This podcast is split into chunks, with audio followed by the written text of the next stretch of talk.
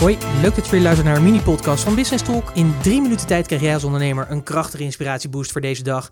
En de inspiratieboost die ik je vandaag wil meegeven is Sell Before Ready. En dat is eigenlijk een hele mooie. En dat betekent eigenlijk dat je iets, je producten of diensten al verkoopt, überhaupt voordat je ze überhaupt al gemaakt hebt.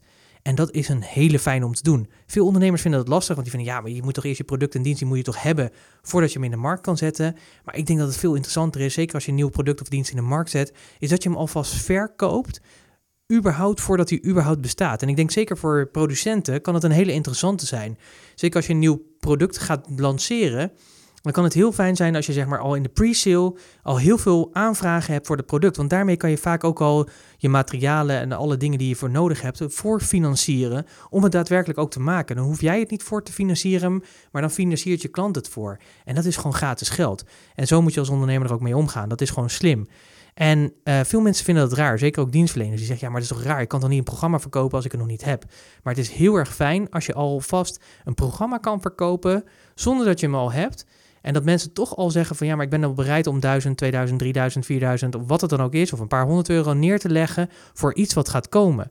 En wij hebben heel vaak het op die manier ook gedaan. Ik weet nog wat toen we de ondernemersacademie startten, toen hebben wij het programma verkocht in de periode zeg maar dat we ja, daarmee bezig waren. Ik denk dat het van februari tot en met maart, april was. In mei starten we met de groep en we zorgden gewoon elke keer dat we een module van dit programma zeg maar, af hadden voordat het volgende module klaar was. Zeg maar. Dus we liepen altijd één module vooruit.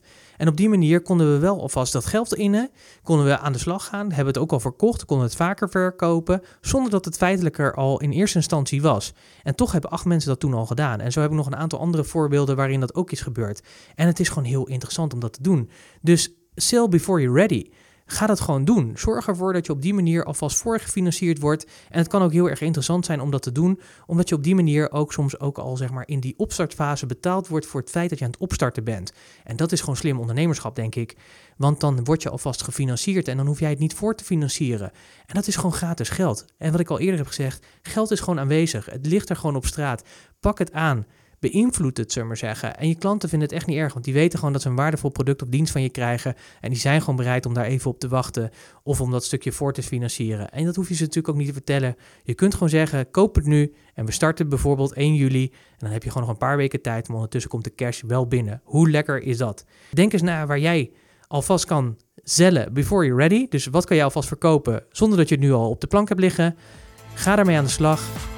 Maak dat geld. En dan spreek ik je graag weer morgen. Tot morgen.